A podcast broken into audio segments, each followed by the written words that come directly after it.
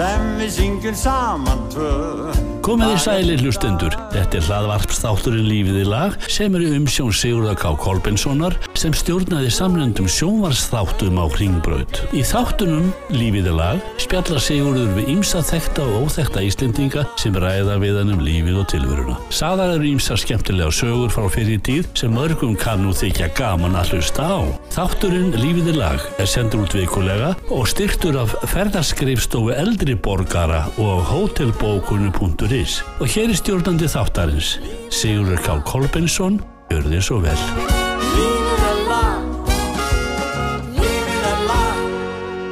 Já, komið sælir hlustendur. Í síðustu viku var hjá mér Áskir Bolli Kristinsson eða Bolli 17 eins og margir þekkjan. Í dag komin allt annar viðmælandi, hann heiti Frithór Eidal og margir kannast þegar frá gammalli tíð, hann var uppalega e, blada fulltrúi eða upplýsinga fulltrúi varnaleysis í keflæg. Frithór, velkomin.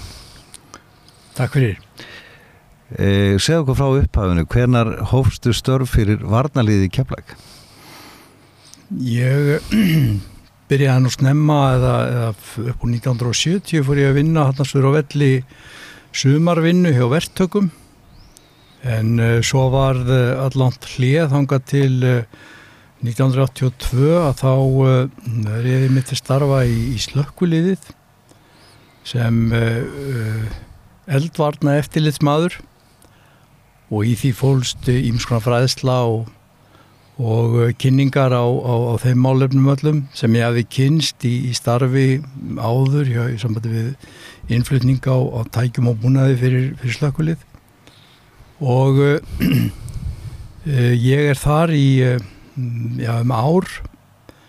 En uh, einhvern veginn á miðjum þeim tíma þegar fór að líða á sumarið uh, 83 að, að þá var mér bent á eða komið þar máli við mig um að mögulega Uh, get ég fengið þetta starf sem uh, það sem að hétt formlega aðstóðar upplýsingafulltrúi varnalýsins sem svo tjá aðalstöðum varnalýsins sem sáum allans líka þjónustu fyrir allar hérna margurslegu deildir sem að uh, voru sem sagt í nefnd í einu já í, í einu sem, sem varnalýðið Og þetta var inn á vellinum eins og það þá. Já þetta var sem sagt á vegum bandaríkja hers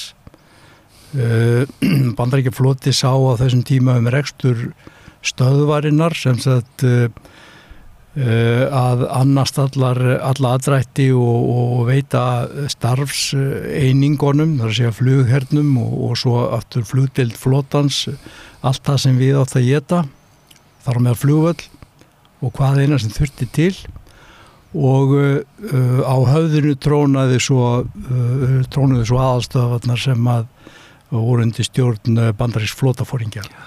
Þannig að þetta var á forræði það sem heitir US Navy og, og fjármálega hliðin eða þingið útlutaði peningum þanga til þess að reyka þennan flugvöld. Formlega séða það ekki? Jú, þeim hluta að því síðan náttúrulega var flugherrin stór þáttakandi Já. líka og hann fekk sínar fjárveitingar. Mm. Uh, en uh, herstjórnar einingin sjálf, semst varnaliðið var aftur það sem að kallaði sameinleg herstjórn, mm. semst margra delta eh, Ég ætla að ræða þetta núna, allavega næstu 30 myndar mikið áhuga mál og hérna ef við byrjum svona á stjórnunum á þessu, það var alltaf einhver sem hétt Admiral, er það ekki sem að var skiptum á hvað tvekjar á frestið að meðaltali? Jú, hann var æðst yfirmadurinn og það sama átti við um uh, flest alla uh, á, á vellinum að það var skipt um uh, starfsmenn eins og gerist í bandarækja hér, öllum greinum hans uh, á uh, tveggja, ja, eins til þryggja ára fresti. Uh, og það helgast af því að, að kerfið er svona eins og píramíti eins og bara í stórfyrirtæki þar sem að sífældra koma ný, nýr mannskapur inn í lagstu þrepin og, og vinnur sér síðan upp í störfum. Þeir sem að ekki passa eða ekki líkar eða er ekki nógu góðir í sínu störfum eða hvað nú er, þeir víkja frá og, og, og rýma fyrir þeim sem að koma upp ræðirnar og efst á píramítarum trónir aðeins yfir maðurinn á hverjum stað Hvað hérna mér langar að spyrja það þegar það mest var á svona kaldastrís árunum hvað, hvað voru margir uh, liðsmenn í hernum þarna uppfrá fyrir utan kannski maka og börn og fleira Eh, Þetta er, eh, þetta, þetta fór eftir tímabilum. Eh, Á sjötta áratugnum var lang fjölmennast, þá voru 5.000 hermenn hérna. Þá var heldur uh, ekki mikið um fjölskyldufólk, hvorki í hernum yfir leitt, nýja bara vegna aðstæðina á, á, keflaugulhulli og síðan fækkaði niður í svona meðaltali um 3000 manns og uh, það helst um það bil 3000 til 3300 manns til og, þa þar til að fara er að, að já, hermenn, Já, þar til að uh, fara er að draga saman uh, vel eftir lok kaldastriðsins. já, akkurat.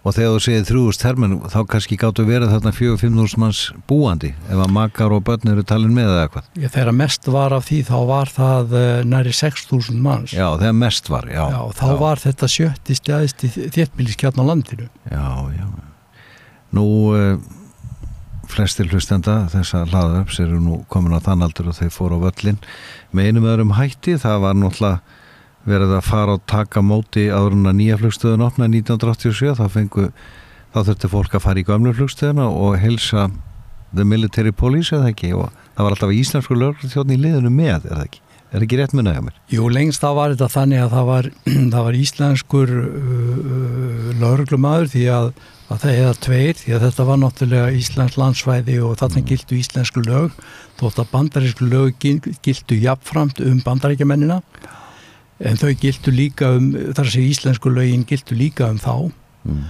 og uh, en uh, síðan voru þannig ímist herrlauruglumenn eða uh, á tímabili voru landgöngulíðar sem að flotans sem er sérstök deild innan Er flotans það US Marines? eða? Já. já, já, þeir sjá um alls konar varðstöð og gestlu meðal annars auk þess að vera framáldarsveit og þannig liðinu fræga þá voru menn meðal að svona líti eftir því hvort að hugsanlega veri verið að smikla einhvern varningi eða ekki að vellinum að því að ef þú keftir, ef þú komst í það að út eða í bjórkipu þá kost þá náttúrulega fjast, fyrst alveg ekki bjór á Íslandi þá til almennings en, en segjum eitthvað svona, fólk var kannski að út eða sér einhverja vörur hugsanlega og þá var þá allt verið verðlega náttúrulega tíðkæðist hér á landi. Já, sko það voru að horfa á að, að í stað þess að greiða hermönum sta, staðar uppættur sem eru reiknaðar út uh, með mikil, miklum tilfæringu fyrir hvert stað að þá hafa bandrækjumenn reynilega samið um það að vera bara efnagaslega eiga í, á hverjum stað. Og uh, allt flutt inn. allt flutt inn og Já. þá þarf hvorki að borga þeim herra, herri laun. Þeir hafa allt á, á, á sama verði og heima hjá sér og það er ríki sem borgar mismunin á kostnaði. Þeir fengi að flytja inn kjötið í hambúrgaranum til dæmis Já, þeir það var undan þegar íslensku lögum Já, já, það mátti náttúrulega ekki flytja inn fersk kjöt til Íslands. Nei, það, þar gildi aftur á móti líka það að ekkert af þessu mátti fara út af vellinu Nei, alls ekki óunni, óunnar kjötvörur bara út af, af smittættu og sem að menn brendur sér nú reyndar yllilega á á strísárunum og, uh, og síðan uh, náttúrulega annar varningur uh, því að þetta var ekkert nema bara til, til enga nota hermannuna yfir daginn og já þeirra ferðum. En uh, öðru leiti að þá hafðu Íslendingar engin, engan aðgang að þessu Nei. eða áttu ekki að hafa. En uh, þú, þú nefnir þetta, uh, þetta þessi hvað er maður að segja þessa verkaskiptingi hliðin og hún var svolítið, svolítið hérna sérstök því að bandaríkjumennir eðlilega þeirra, á, á, þeirra áhersla var á það hverjir kæmu inn á völlin því þetta var ju verið að, að, verja þarna öryggisvæði fyrir óæskilegum hugsanlega. En uh, Íslensk, uh, íslenska lögur hafði sára lítinn áhuga á því. Þeir voru fyrst og fremst að, að, að, stunda tollgæslu já, þeir voru að passa að, að óæskilu varningur færi ekki út af vellinum akkurat já, já. En þetta var náttúrulega gríðarlega umferð þannilega Íslendinga sem að feng, var hleyft í gegn til að taka á móti eða aka sínum ættingum og vinum í flug og úr flugi, ekki satt? Jú, sko, það gildi þetta mjög sérstakar, sérstakar það voru það ríkt þetta mjög sérstakar aðstæður að áður en að varnaliði kemur og þá búið að reysa flugstöð að við flughlaðið sem var nú aðal uh, hérna, það sem aðal umsvifin voru í sambandi við flugið.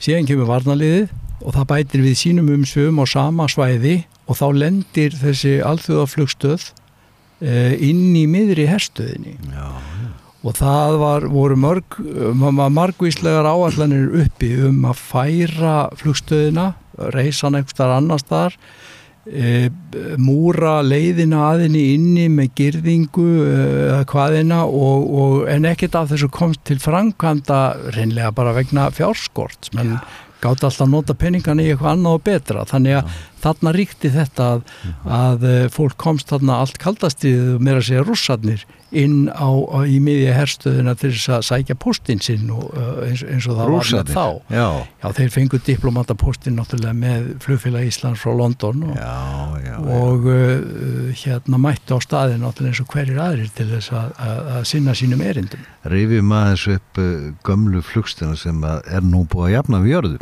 Ég var þarna upp frá ekki alls svo löngu og kerið þarna um að því að sætla minningar, það er svona gaman að skoða gamla hluti en hún er ekki annað lengur. En þetta var heilmikil starfsemi þarna, fyrir utan alltaf bara terminal og hlið 1 og 2 og, og bar uh, utan og innan veggja.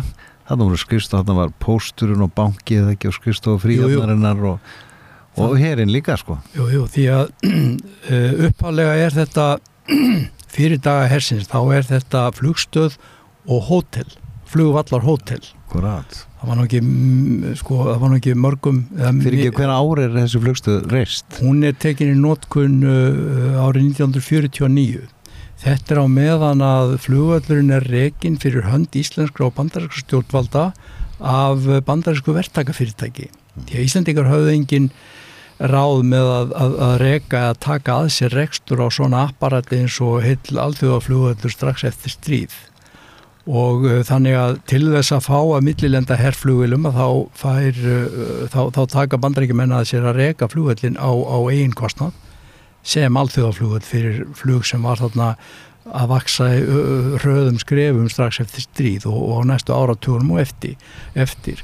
Og svona fyrstu 15 árin að þá var mjög mikilvæg þá var þetta mjög mikilvægur millilendingastaður fyrir flugvilar þar til að, að þóttuöld gekk í garð og var- reyndar uh, fram yfir 1960. Nú fram að þeim tíma þá var líka millilandaflug Íslendinga, það fór fram allt á Reykjavíkuflugvelli. Já. Það er ekki fyrir en eftir að, að flugfélögin íslensku fá uh, svo stórar flugvilar að Reykjavíkuflugvellur er nú lítill að þeir flytja sig söður á, á flugvöll uh, þegar að fer að líða á sjönda áratvín söður að Keflavíkuflugvöll og þá taka loftleiðir sem að þá voru við rekstrinum á flugagrislunni og uh, hótelreksturinn lagðist nú af um svipa-leiti og uh, enda komin hótel loftleiði búin að reysa hótel í Reykjavík og, og eitt lit af öðru. En uh, það er rétt sem hún segir að þarna var náttúrulega greiðarlega mikið starfsemi. Og heilmikið af flugvilum sem á árum áður millilendu þarna með ellenda farþega og uh, svo náttúrulega fór öll íslenska trafíkin þarna í gegn þegar, þegar, þegar, hérna, nær, eða, þegar, að leið á Hvernig var um, aðstafa segja fyrir uh, loftleiði og síðar Æslandi er e, voruð þið með skíli þarna viðhalstjónust og svona hvernig var það í þá daga? Þeir þurftu náttúrulega að vera með viðastjónustu en, en feng, fengu inni í stóra flugskílinu hjá, uh, hjá varnaliðinu. Þannig að beint á móti gönnlu flugstöðinni Nei, það var reyndar Já, skíli stóra sem, flugskíli já, já. Já, þetta sem enn stendur gríðarlega Er það stór. ekki einn stærsta bygging á Íslandi? Það var þá sínum tíma þar til uh, uh, kerskálin í, í Strömsvík var, var reistur á sjönda áratögnum. En uh, þar fengu þeir uh, svona sex básar sem að hýstu svona stóra flugilar og uh, þeir höfðu e- lengst af einn þeirra til, til afnóta og það er ekki fyrir löngu eftir að nýja flugstöði að talsast eftir að nýja flugstöðin er komin í gagnið sem að, að flugleiðir sem hétu þá reistu viðhaldstöð í grend við flugstöðina sem að sko þessi aðskilnaður milli, hvað að segja, ríkis og kirkju ekki verður að raunveruleika. Já, sem, að, sem að, að var stemt. Já, það er sem sagt ITS í dag heitir það og, og þeir eru nýlega búin að stækka það um helming það, þá viðhalstöð þarna Já, já.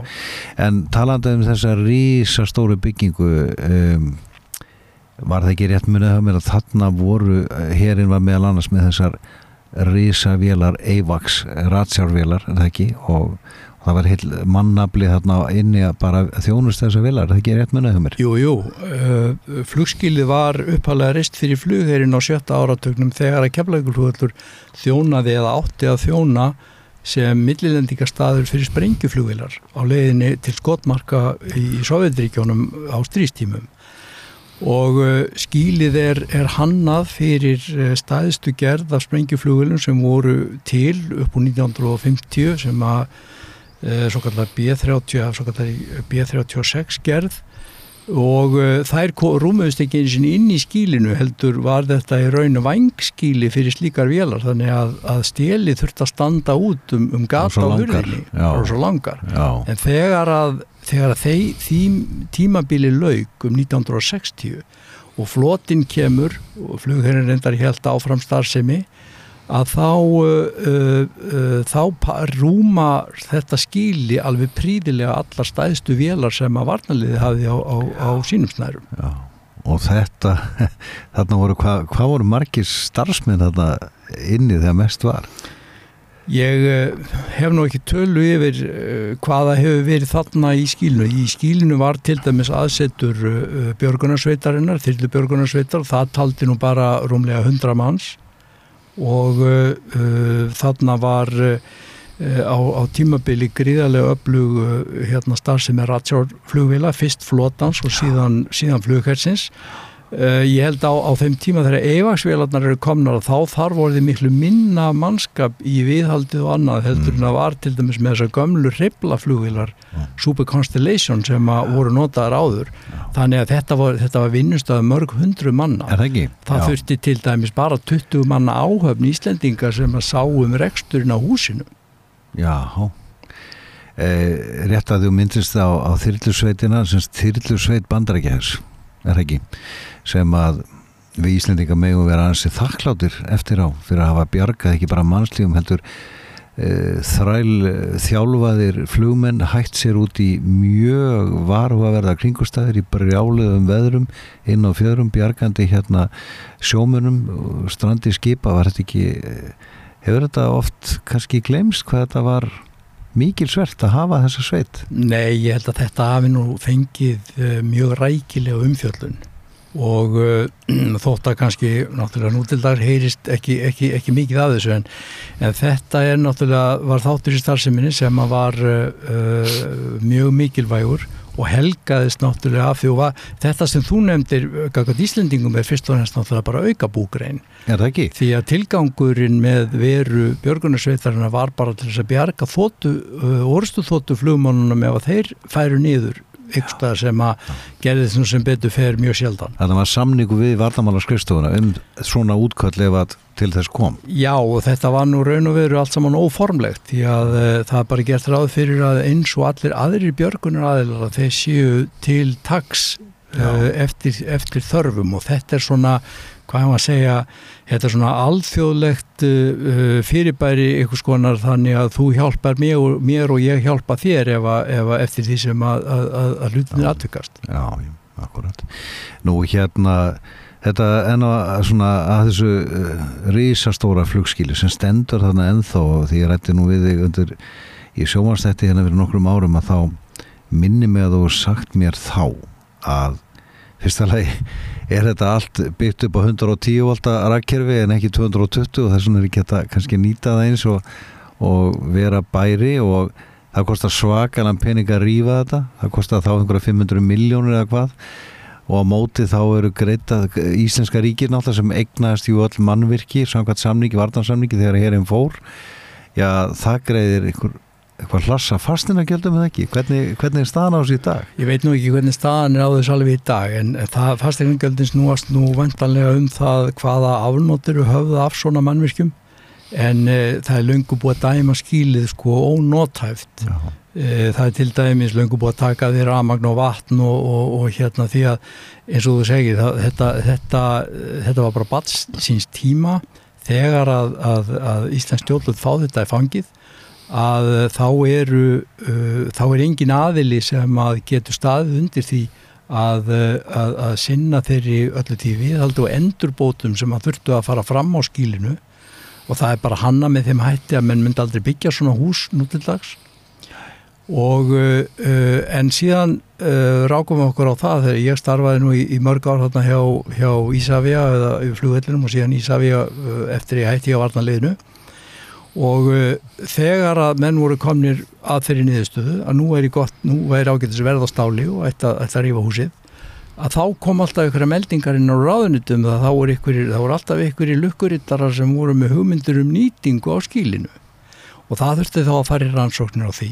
Og það, er, það er komu alltaf að sömunniðustu Jújú, það var þetta að nýta húsið í ykkur framkvæmdir eða í ykkur starfsemi en það þurfti alltaf að borga með henni. Ríkið þurfti alltaf að borga með starfseminni. Þannig að þetta var svona, hvað ég var að segja, kannski uh, hérna aðunubóta vinna eða, eða, eða, uh, eða svona byggðast byggðastefna sem að menn höfðu mislukkaða í, í, í huga. Þannig að það má eiginlega segja að þetta skíl í dag, þetta er svona í patt stöðu. Já, ég held að líka ekkit fyrir því annað en að verði rifið. Eldri borgarar, aðvendu ferðirnar vinsælu eru kormar í sölu. Ferðarskist á eldriborgara.is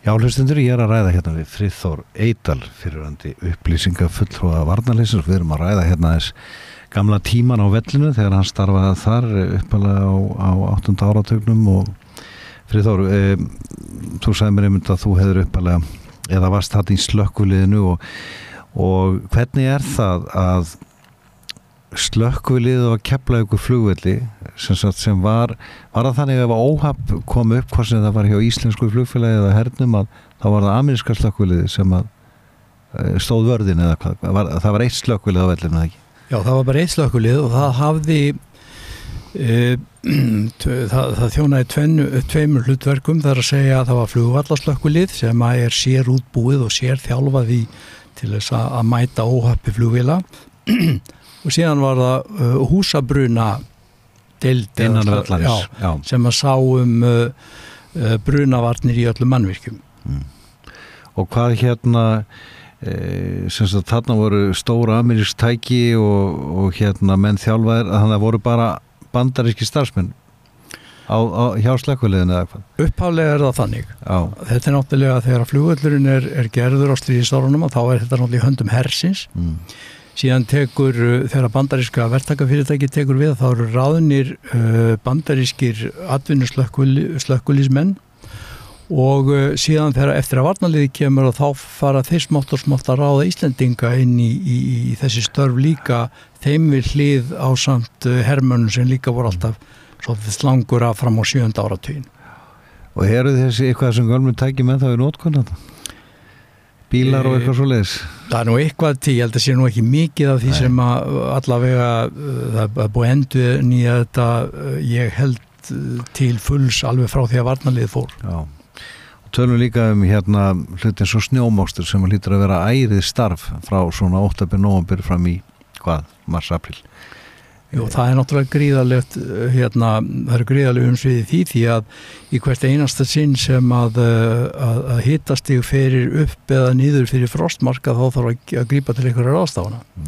Til þess að, að, að hindra eða komið veg fyrir hálku og að verjast henni en e, e, talandum um, um slökkuliðið að þá e, þá hérna þá var slökkulistjóranum falið innmitt á áttunda áratugnum að stjórna eða sérst falin stjórn á snjó og hálkuvörnunum á flugbrótunum meðal annars vegna þess hversu vel hann hafi staðið sér í því að byggja upp slökkuliðið og þannig að, að flugþjónustu deildin var, sem annaðist þetta var uh, þá hluti á slökkuliðinu í, um, um langa hríð. Emil Tafriðþór, e, þú ert að vinna ansi miklu verkefni núna um þessar mundir og þarf að skrifa sögu varnalýsis segja okkur frá því, hvernig kom þetta upp? Ég hef nú á uh, undanfættum áratugum að þá hef ég haft mér það til dundurs að, að, að rannsaka og skrifa sögu uh, þeirra umsvifa sem að bæði breski og, og bandaríski herin hefur haft hér á landi alveg frá þjóstrísárunum og uh, uh, eitt hefur svona lit af öðru og fyrir allmargum árum að þá skrifaði ég bókum og gáð bókum um upphaf keflaugulhugallar þar að segja til þess tíma þegar varnaliðið kom.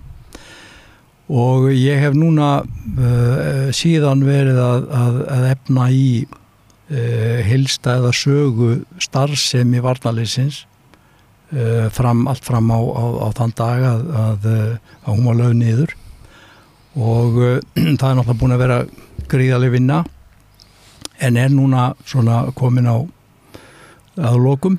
Já, og vonandi fá að sjá eða fór, fær fólk að sjá fljótlega afræksturinn af því. Ekki mikið að myndum?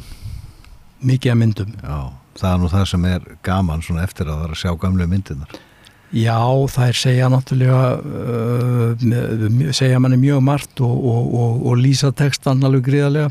En uh, þetta, er, þetta er náttúrulega af gríðarlega mörgu að taka og alls ekki hægt að fjalla um allt í svona ríti en, en verður vonandi uh, fólki svona til leðsagnar um það hvað varnaliði var að gera og hvers vegna og hvernig það fór að því og hvað ekki kannski. Já, akkurat. Nú, það var náttúrulega eins og við vitum mikil póliti, ekki mikil en það var, það var svolítið anstað við veru varnalyssis og frægar eru þessar keflækugöngur og allt það sem ég ætla ekki að fara að fjallum heldur, heldur þetta og svo og ef við kannski tölum um tilgangin með því að varnalyssi hér á Íslandi við vitum jú náttúrulega eða maður sagt að við erum á lítil þjóð til að reyka hér, það bara segir sér sjálft og það var svo sem ekki stríð í gangi sem betur fer þetta var eftir stríð en, en var ekki tilgangurum bara að láta senda út statement að hér væri hér á landinu og hér væri vak, uh, landið vaktað gagvart hugsanlega erlendri árás var það ekki all tilgangurinn? Jú, það má, það má raunverulega uh, það má raunverulega segja það en sko í grundvallar atriðum þá er eins og við vitum þá er náttúrulega algjörlega út í hött að sjálfstæð þjóð þurfi að vera með erlend, erlend herlið á, á sínu landsvæði sérstaklega á fríðartímum og lýsir sérstaklega gríðarlega miklu trösti til þess sem að leggur það herlið til. En þetta voru ekkit venjulegi tímar. Kaldastrið kemur í beinu framaldi af síðari heimstyrjöldinni menn vissu raun og, ekki, raun og veri ekki við hverju var að búast nú við sjáum bara atbyrði núna síðustu ára frá 2014 í tengslum við, við, við Rúsland og Úkrænu uh, og alla þá sögu að uh, þetta var kannski ekki svo uh, fjari lægi þótt að það, jújú, jú, það mætti segja að það væri kannski fjari lægi að búast við ykkur álíka hér norður á, á, á hjara veraldar á, á Íslandi af öllum stöðum.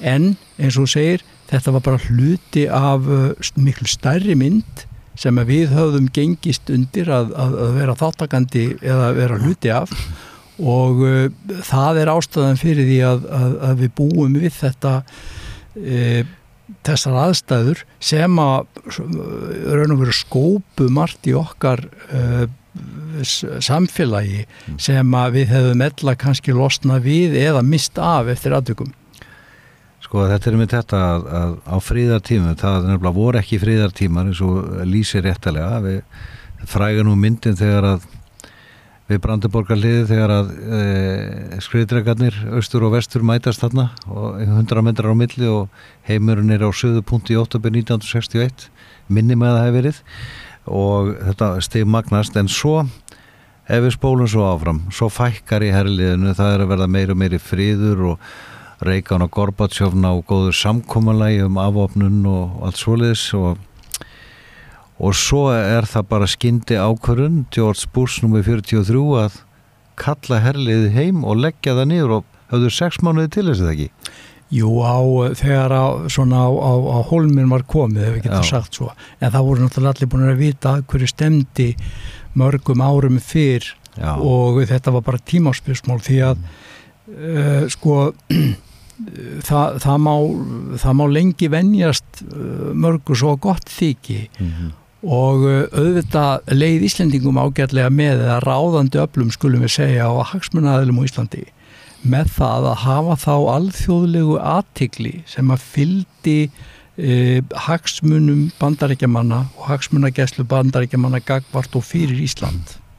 Þetta lísti sér í alls konar undan þáum sem að þetta litla liðveldi nöyt á alþjóða vettvangi í, all, í gegnum allan þennan tíma.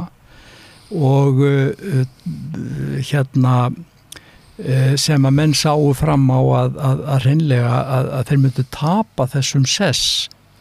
Uh, þannig að sko að nú er það ekki tekið sama tillit til þeirra eins og, eins og, eins og þeir voru vanir og, og svo var náttúrulega raunin, við sáum það náttúrulega bara í, í, í efnaðsrauninu En kannski líka meira í að því sko að þeir sem höfðu hæst og voru alltaf á móti hernum um, já svo fer hérinn og þá kannski heyrist hansi hávara rættir að nú því miður sem að fara nú stungin á að fjöldi manns missi vinnuna Þetta já, já, að sjálfsögðu, það, það spila náttúrulega, sko, lífið er náttúrulega ekkert nema og, og svona samfélagi er náttúrulega ekkert nema mismunandi hagsmunir og, og, og þeir breytast og þetta gengur upp og niður fyrir hverjum og einum frá einum tíma til annars, þannig að það er svo sem óskup eðlilegu fylgifiskur.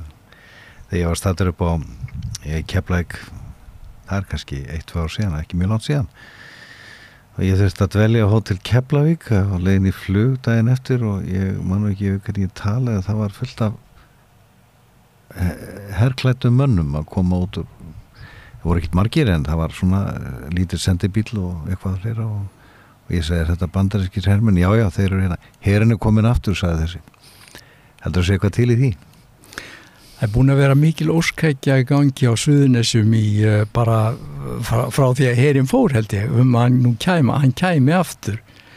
En uh, uh, að sjálfsögðu er búin að vera heilmikil viðvera hérna núna alveg frá, frá því árinu 2014 og þar segja eftir að þessi þessi þetta byrjaði allt saman órói, já, órói, já, já, krímskaganum og það allt saman. Að þannig að sko það var þannig að fyrstu árin eftir að herin fór, fyrstu tíu árin að þá e, þá hugsaði bandaríkjaflóti hreinlega sem svo eða stjórn bandaríkjaflóka þeir eru ekkert með Ísland að gera lengur og ætluði alls ekki að, að láta vela sig út í það að eða nokkur peningum á Íslandi.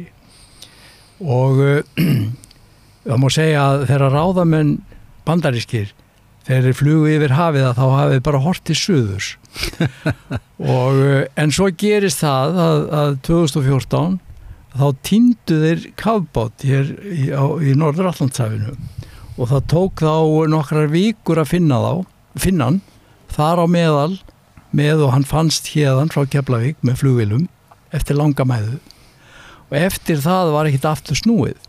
Eða um svipaleiti voru að taka í nótkunn nýjar kapotaleitaflugvilar, háþróaðar e, sem þau þurfti að þjálfa nýjar áhafnir á og endur skipulegja alla, alla, þessa kapotaleita starfsemi sem þau höfðu náð svo mikill í færni í í kaldastriðinu og, og raunverulega glutra niður að, að, að stórun luta til í, á meðan þau voru í styrjöldunum þarna í, í Afganistan og, og Írak En nú hafa komið tími til að byggja þetta allt saman upp aftur og það hefur ekkert látu verið á því að hér, verið stöðu, hefur verið stöðu viðvera þessara flugvila og, þessara, og, og þeirra áhafna sem að eru á, í stöður í þjálfun þótt að, að, að eh, rúsneski kapotar hafi verið í raun mjög sjálfsýðir. Akkurat. Er þá einhvers konar Varnarsamningur orðin að verulega aftur eða auðvitað þurfa með leiði að koma hérna með herrflugvelar og svona? Já, var, varnarsamningur er náttúrulega í fulli gildi. Hann er í fulli gildi? Já, og uh, koma þessara uh, og starfseminn þessi hún náttúrulega lítur samþykki íslenska stjórnvalda uh, og það má, það má einlega segja sko að, að, að Íslands stjórnvald hafi raun ekkert, ekkert hérna dreyið af sér uh, eftir að varnarliði fór að vekja aðtikli á því hversu gott væri nú að geta leita þingað aftur eins og, eins og uh, margir eru nú enn fastir í því farinu sko að bandrækjumenn hefðu aldrei átt að fara það Akkurat. það hefur verið mistök.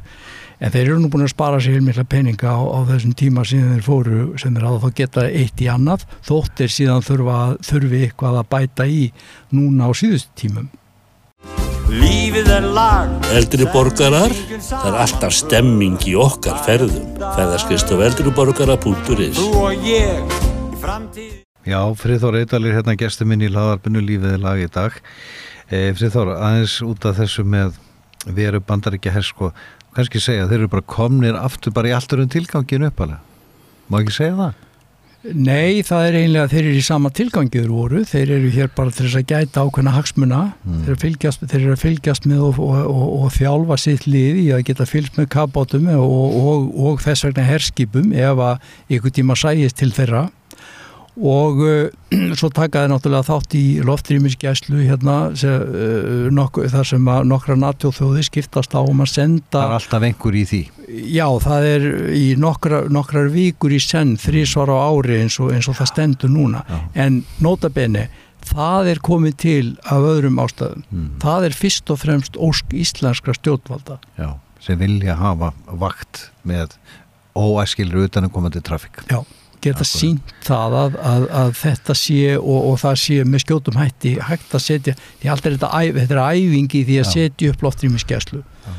Og uh, en hagsmunninni liggja aftur hjá flotanum í þessum kapota, uh, þessu kapota eftirliti og ekki síður að uh, það hefur verið fjárfest talsvert í endurbótum á flugvélastæðum og kjaflaugluvilli sem að uh, eldsneitisbyrðavélar og, og uh, herflutningaflugvélar og bara flugvélar á vegum hersin sem er að flytja mannskap og varning gætu notað ef á þyrfti að halda þar að segja ef að e, e, ef, að- hætta að vera á átökum í norðanverðri Evrópu mm. þar að segja við, við eistrasaltið þá liggur keflauguflugallur miklu betur við sem áningarstaður heldur en fyrr öll þessi ár sem að, bandaræki hér var í Östurvegi semst í Asíu að, að þá voru það Asorejar sem að skipuðu stóran sess í, í þessu sem, sem Já, það liggur, það liggur bara betur við á, á jarkringlunni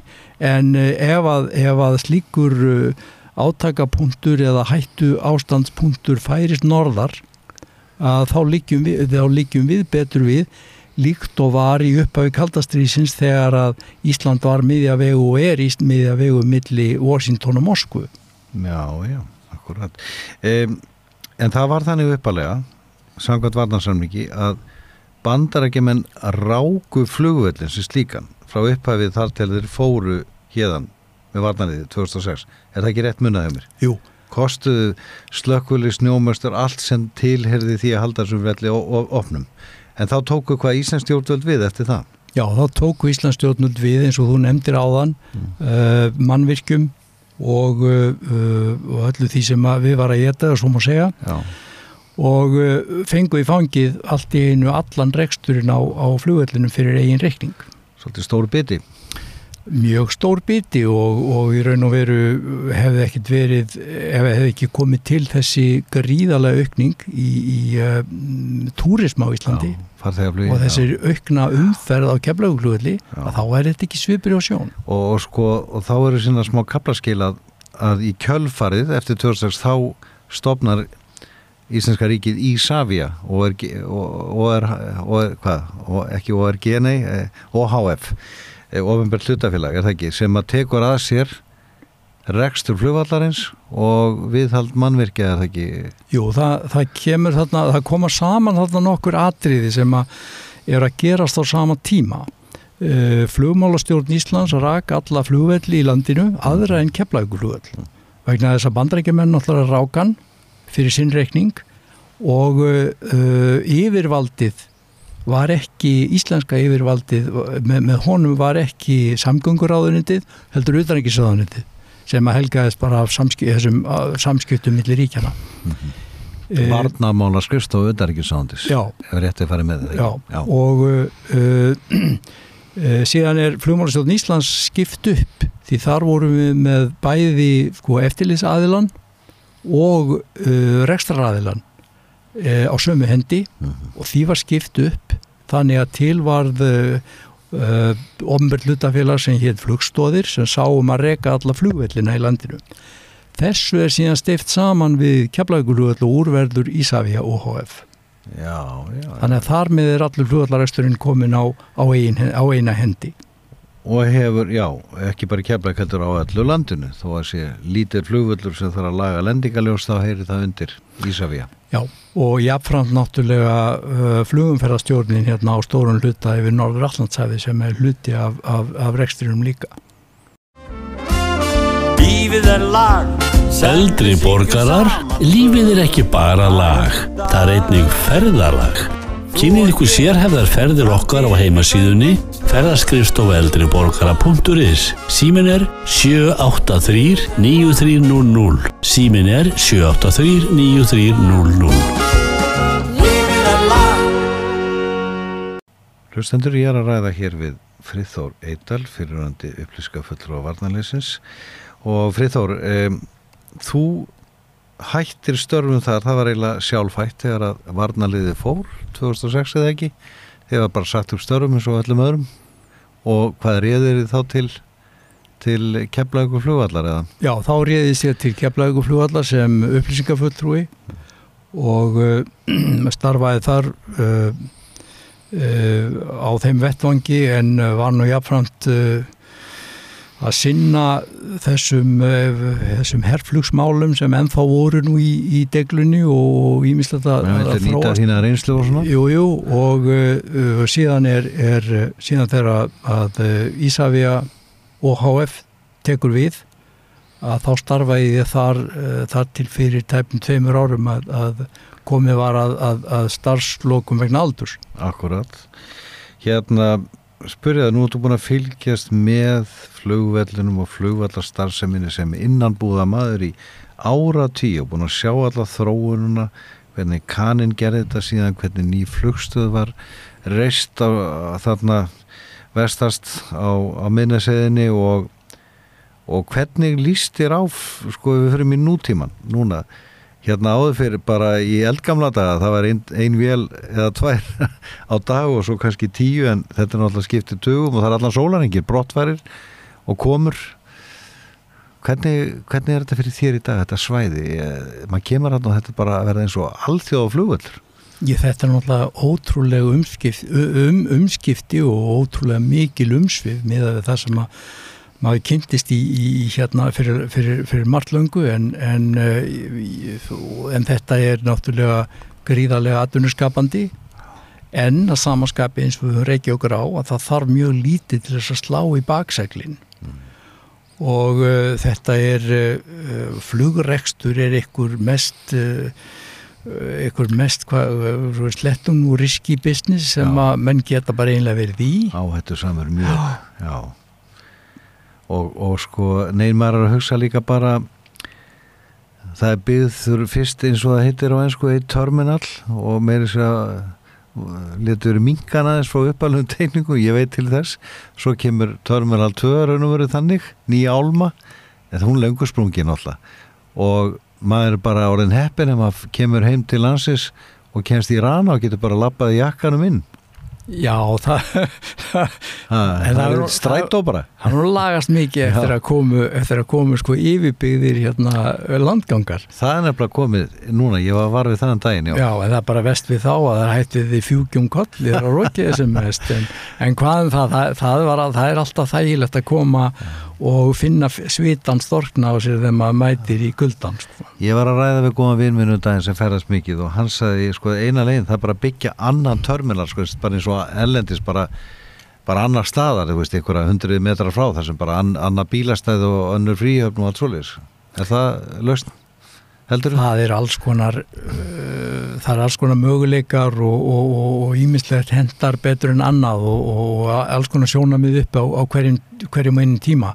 En það það náttúrulega að líta fyrst og fremst til innviðana sem eru fyrir að þeir nýtist sem best. Það þarf vegi og það þarf tengingar og Bílastæð og allt. já, það, það, það gerist, þetta gerist ekkit í vakumi sko. Nei, nei, og svo eru komin hérna hótel hvert á fætur öðru sem að var nú einhver fjarlægur eh, draumur hérna áður fyrr að þau eru all sneisaföll af fólki. já, það er, það er, það er sko margt, margt orðið breytt Já, já, Marriott nýkom með hótel upp á minni segi.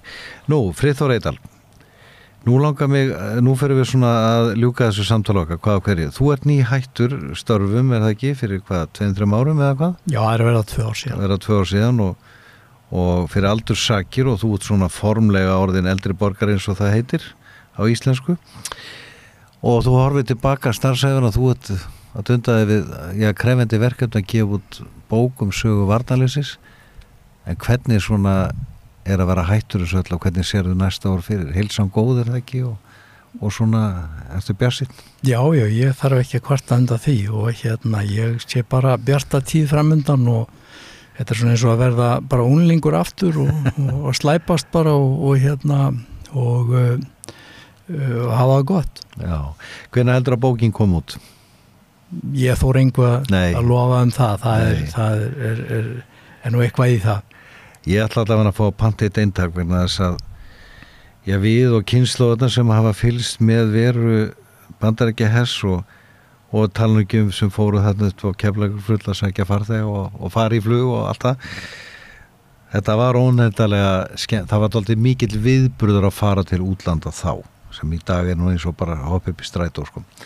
þannig að ég óska er bara allsins besta bæði mútgáða bókarinnar og þau já, ár sem að eru framundan og hérna vonuðu að hafa það bara sem best Þakka ekki alveg fyrir. Nú hlustendur, ég, þetta er hlaðarpið lífiði lag, ég heiti Sigurður K. Kolbjörnsson og ræði hér vikulega við bæði þekta og óþekta Íslendinga og við ljúkum hlaðarpinu hérna í dag og eftir viku tíma verður allt annar viðmælandi hérna við hljónumann og ég minn ykkur á í lókin að lífið er ferðalag. Takk fyrir í dag.